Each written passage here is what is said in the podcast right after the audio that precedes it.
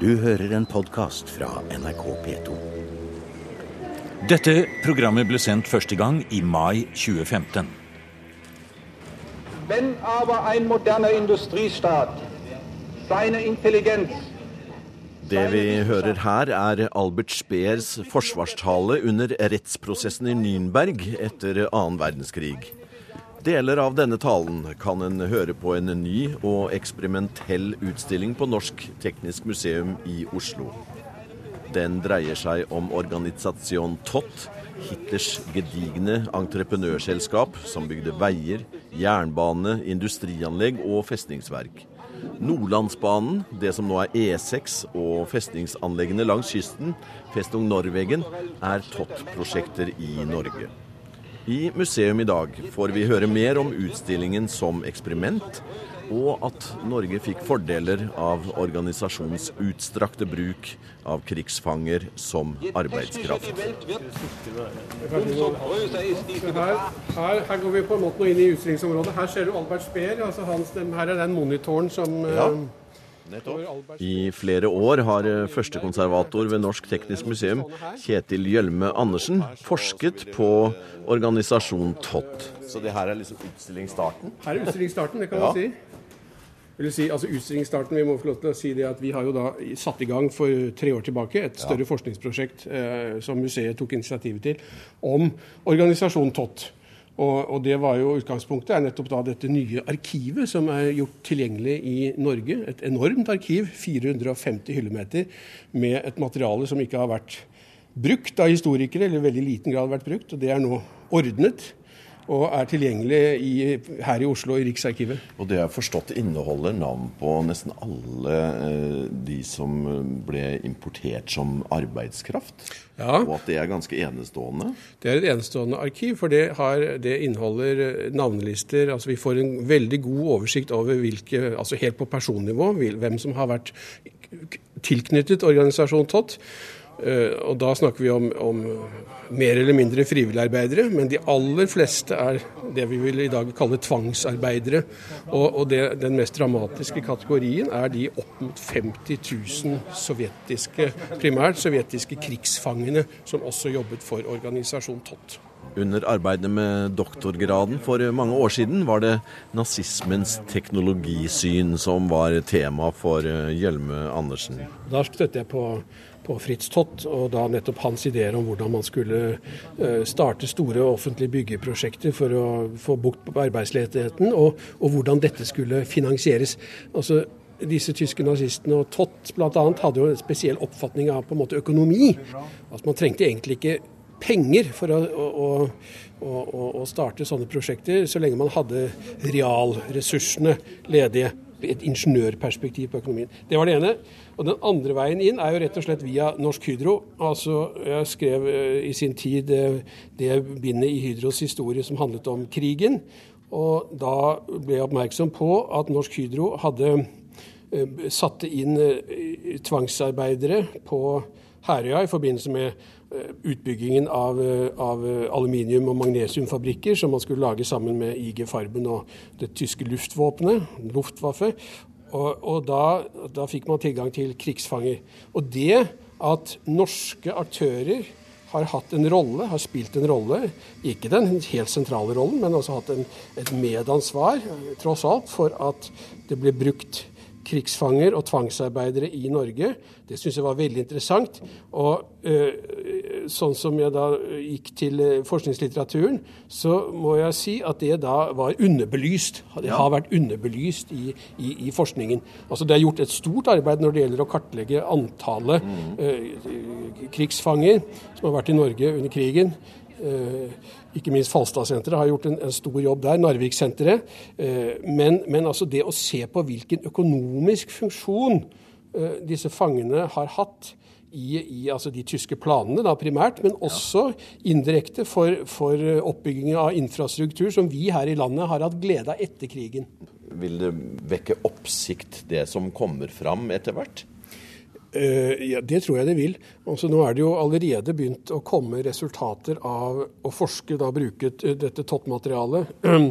altså, vi fikk jo uh, nå, bare for noen uker siden, en bok om NSB, og, og, som Bjørn Vestli har skrevet, 'Fangene som forsvant'. I, I, fjor så var det Vegvesenets historie, som ble skrevet av historiker Pål Nygaard, som, som, for så dette prosjektet har hatt kontakt med, og som, og som har nettopp også brukt, brukt Tott-arkivet. Eh, jeg tror det kommer til å komme mer. Det interessante med Tott-arkivet er at det gir en et inngang, en innblikk i hvordan den tyske, uh, tyske krigsøkonomien fungerte. Altså i, i, da, i en, en, norsk sammenheng, men på en måte også, også, relevant for å forstå så å si, den tyske krigsøkonomien. ikke sant? Vi, vi, vi kommer jo veldig tett på eh, sentrale aktører. Vi kommer tett på altså, Tott, personen Tott, og til dels også Albert Speer. Og vi kommer inn på et veldig sånt interessant hva skal man si, et institusjonelt nivå, et slags mellomnivå, hvor det skjer veldig mange interessante ting. altså Hvor man på den ene siden har liksom direktivene fra, fra toppen, altså til dels er jo det Hitler selv. Men samtidig så får du på en måte liksom alle de praktiske utfordringene i gjennomføring av disse prosjektene. Ikke sant? Altså Hvor vanskelig det er å frakte opp takpapp som man trenger å bruke på SS-brakkene på Blodveien, altså for å kunne sette tvangsarbeidere i arbeid ikke sant, på anleggene, så, så, så trenger man eh, takpapp til vaktmannskapene. Altså, ikke sant, De enorme utfordringene som knytter til eh, logistikk, transport, alt dette, kommer man veldig tett på. Og det er dypt fascinerende, og jeg tror jeg gir en ny og en dypere innsikt i hva okkupasjonsårene var. Eh, fordi at vi jo ser da ikke minst hvordan eh, organisasjonen TOT og tyske firmaer har samarbeidet med norske firmaer på alle nivåer, små, store, enkeltmannsforetak. Hvordan eh, norske arbeidere delvis har vært tvangsutskrevet til, eh, til å jobbe for TOT og delvis har tjent gode penger på å jobbe for Tott. Altså det er utall av forskjellige eh, eh, dimensjoner og fasetter og historier som vi får en, en, tilgang til. Og det tror jeg blir interessant ny kunnskap om krigen. Norsk eh, Teknisk Museum er først og fremst et museum med gjenstander. I fjor, under jubileumsutstillingen Ting, ble publikum invitert med til diskusjon om gjenstandene. I Tott-utstillingen blir denne formen for samhandling utviklet videre. Sosialantropolog og kurator ved museet, Henrik Treimo, forklarer hva museet ønsker. Denne, denne, utstillingen er den første store utstillingen vi forsøker å lage i, i, i tråd med det vi kaller det nye forsknings- og formidlingslaboratoriet.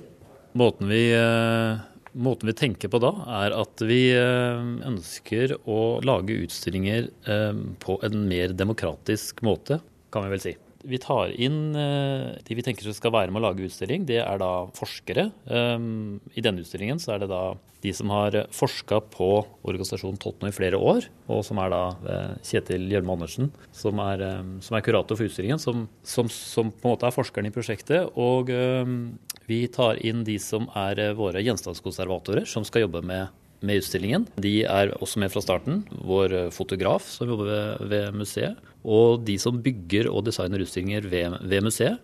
Det er, det er, på en måte den interne kjernetroppen. Mm. I tillegg så trekker vi inn folk utenfra. Ja. Sånn at uh, i denne omgang så har da mastergradsstudenter ved Akademi for scenekunst i Fredrikstad ved Høgskolen i Østfold. De, de, skal få være scenografer og designe utstillingen. De er fem stykker. og, og og er, de har akkurat starta på utdanningen. De kommer fra hele verden, så det er et veldig tilfang for oss med veldig interessante perspektiver eh, som vi ellers ikke ville fått inn i utstillingen. De er altså her da fra dag én eh, sammen med alle andre. En måte vi tror er god å jobbe på når vi har så mange grupper som skal jobbe sammen om å lage en utstilling, det er å ta utgangspunkt i det som er museenes måte viktigste ressurs, nemlig ting. Så vi, vi, har som et premiss når vi skal lage utstillinger i dette nye laboratorieformatet, at vi tar ting inn fra dag én. Og setter de helt konkret i laboratoriet som et utgangspunkt for en samtale. Så noe av det første vi tok inn, det var da en stein, en granittstein, hogd på um, antageligvis eh, Store Råholmen utafor eh, Fredrikstad. Den steinen var tiltenkt en plass i den store triumfbuen som eh, Hitler og Speer hadde planlagt for hovedstaden eh, Germania, eh, når de da eventuelt skulle vinne krigen. Så den steinen kommer fra en privat hage i Fredrikstad, og sånn sett så har vi også fått sånne folk inn i utstillingen, kan man si. Altså folk som ikke var, visste at de skulle være med på noe som helst vis, får da en slags rolle. sånn at ved å ta inn en gjenstand, så får vi inn en, en rekke ting vi heller ikke ville tenkt på. Og får i gang samtaler som vi ellers kanskje heller ikke hadde kommet på. Vi kan gå og se på steinen, og så kan vi ta det. Ja. Se her, ja. Den steinen var da tiltenkt eh, en plass i den store triumfbuen som Hitler og Speer hadde planlagt for eh, hovedstaden Germania når de eventuelt eh, vant krigen. Et vanvittig prosjekt, forresten. Ja, det er et vanvittig prosjekt. Og, um, nei, jeg, jeg, må si jeg ble veldig overrasket når jeg så at den steinen fantes ferdig tilhogget. Ja. Jeg, jeg, har jo sittet og På en måte, så, for mitt vedkommende, så dukket den steinen opp i arkivet. Jeg satt og, og, og leste da om, og så i dette Tott-arkivet altså Alle disse dokumentene knyttet seg til steinleveransene fra, fra Norge. Og et dokument som, som satte meg på sporet at her, dette er jo liksom, har veldig store dimensjoner, var jo da eh, altså Hitler gir en fullmakt til Albert Speer og sier at han skal få lov til å ta med seg denne fullmakten til Norge og da eh, få fart på den norske steinindustrien. Ja. Og så, da, så, kommer da Speer, Albert Speer, i høye, egen høyeperson, kommer ja. til Norge i 1940 og reiser rundt og, og ser på norsk granitt. Og så, og så, var det da et, et dokument som, som, du ser her, hvor, ja. hvor altså da Speer har vært i Norge. Og så sender han et brev til Terboven. Dette er da i august 1940. Morsomt. Og så hvis du ser siste, hvis du ser siste avsnittet her, ja. så ser du at her skriver da Albert Speer at uh, han har vist prøver av den norske granitten til der Führer, altså til Hitler, som er meget begeistret for det vakre farvespillet i granitten. Uh, og så, uh, så setter da Terboven i sving for å, å, å blidgjøre både Speer og Hitler i Berlin, og skal få hugget ut enorme volumer med norsk granitt. I 2009 laget museum program fra Store Råholmen utenfor Kråkerøy i Fredrikstad. Da var Riksantikvaren på besøk og kunne konstatere at Holmen hadde nærmest et intakt industrianlegg. En kran, en liten jernbane og store mengder ferdig uthogde elementer. Nå er anlegget fredet. Museum har også laget program i Berlin om Germania, altså verdenshovedstaden som Hitler og Speer planla. Ytterligere et program tok for seg alle sporene i Østfold etter Germania-prosjektet.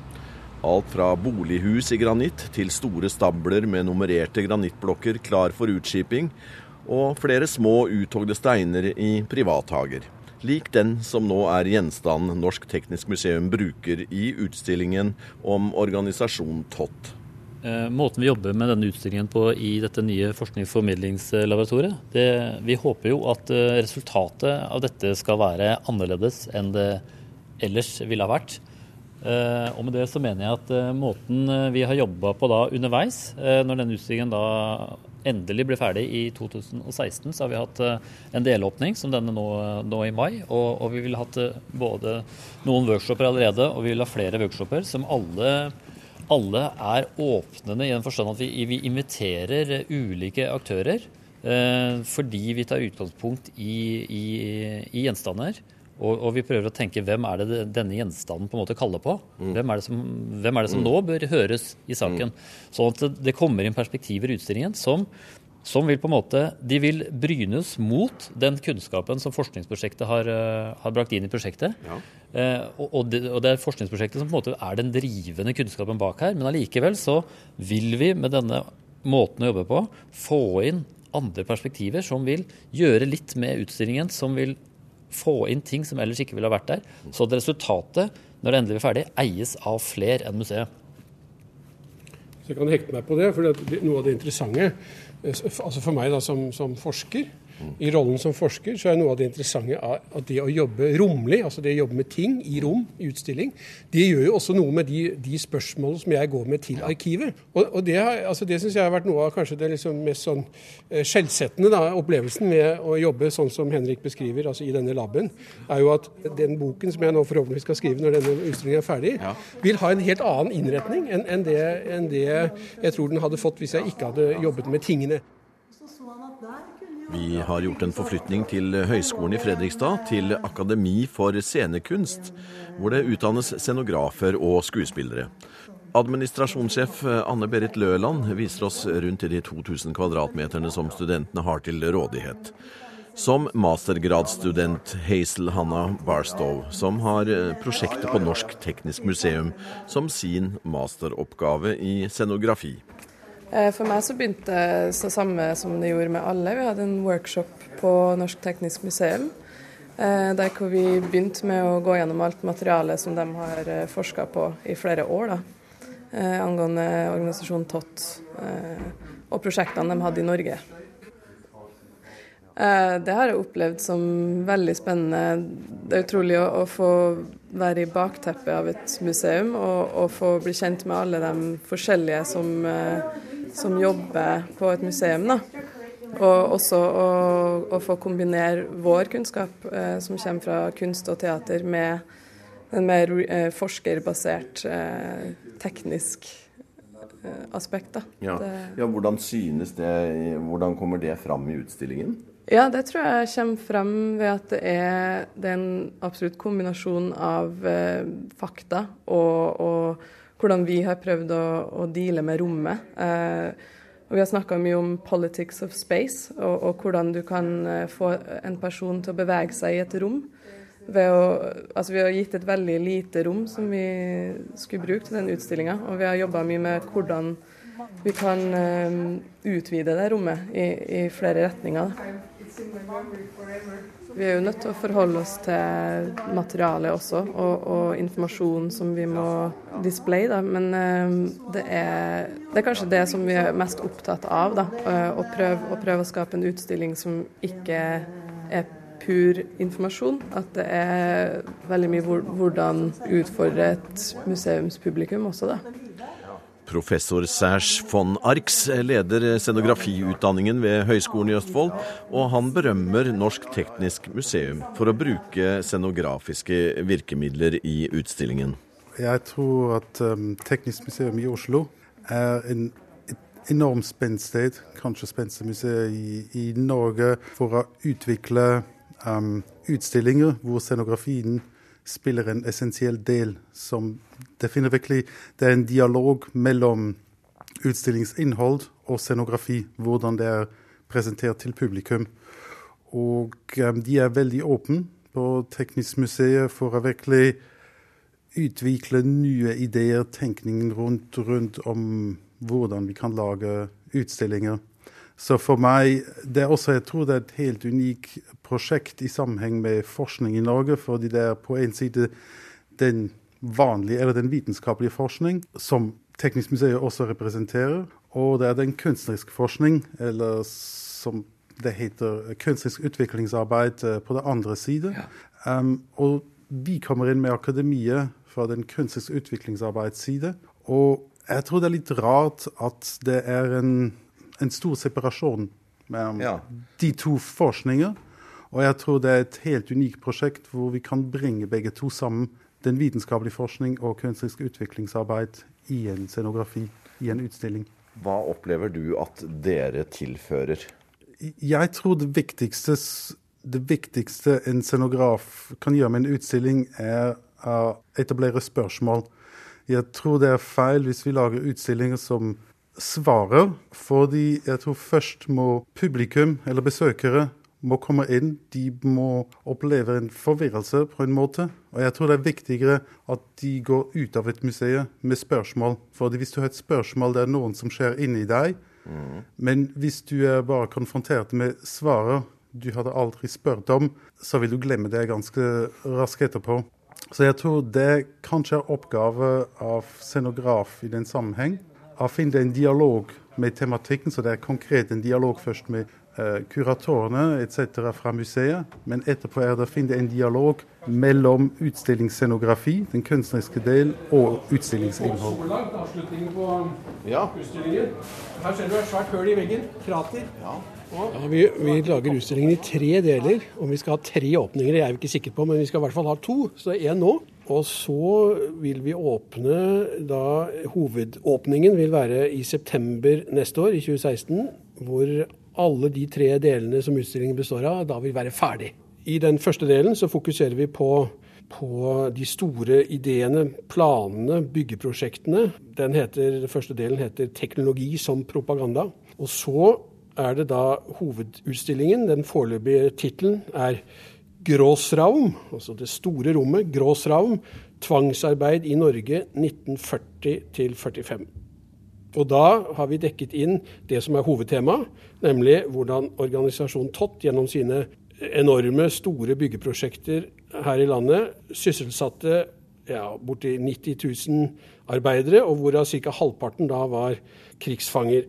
Disse temaene skal vi håndtere langs flere akser. Vi skal prøve å gå tett på opplevelsen til eh, fanger som har, har, og, og tvangsarbeidere som har arbeidet for Tott. Vi har intervjuet dem overlevende. De er gamle, og det er eh, på høy tid at vi får gjort det. Eller det er siste liten at vi får gjort dette.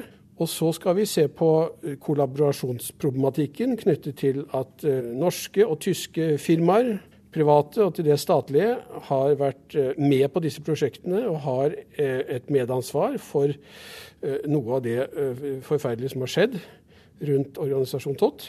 Og så skal vi ikke minst prøve å dyrke dette som, som jeg har vært inne på, dette å gjøre målestokk, det å gjøre dimensjonen i disse prosjektene til et utstillingsobjekt. Og På den måten så ønsker vi å snakke om forholdet mellom politikk og ideologi og teknologisk utvikling.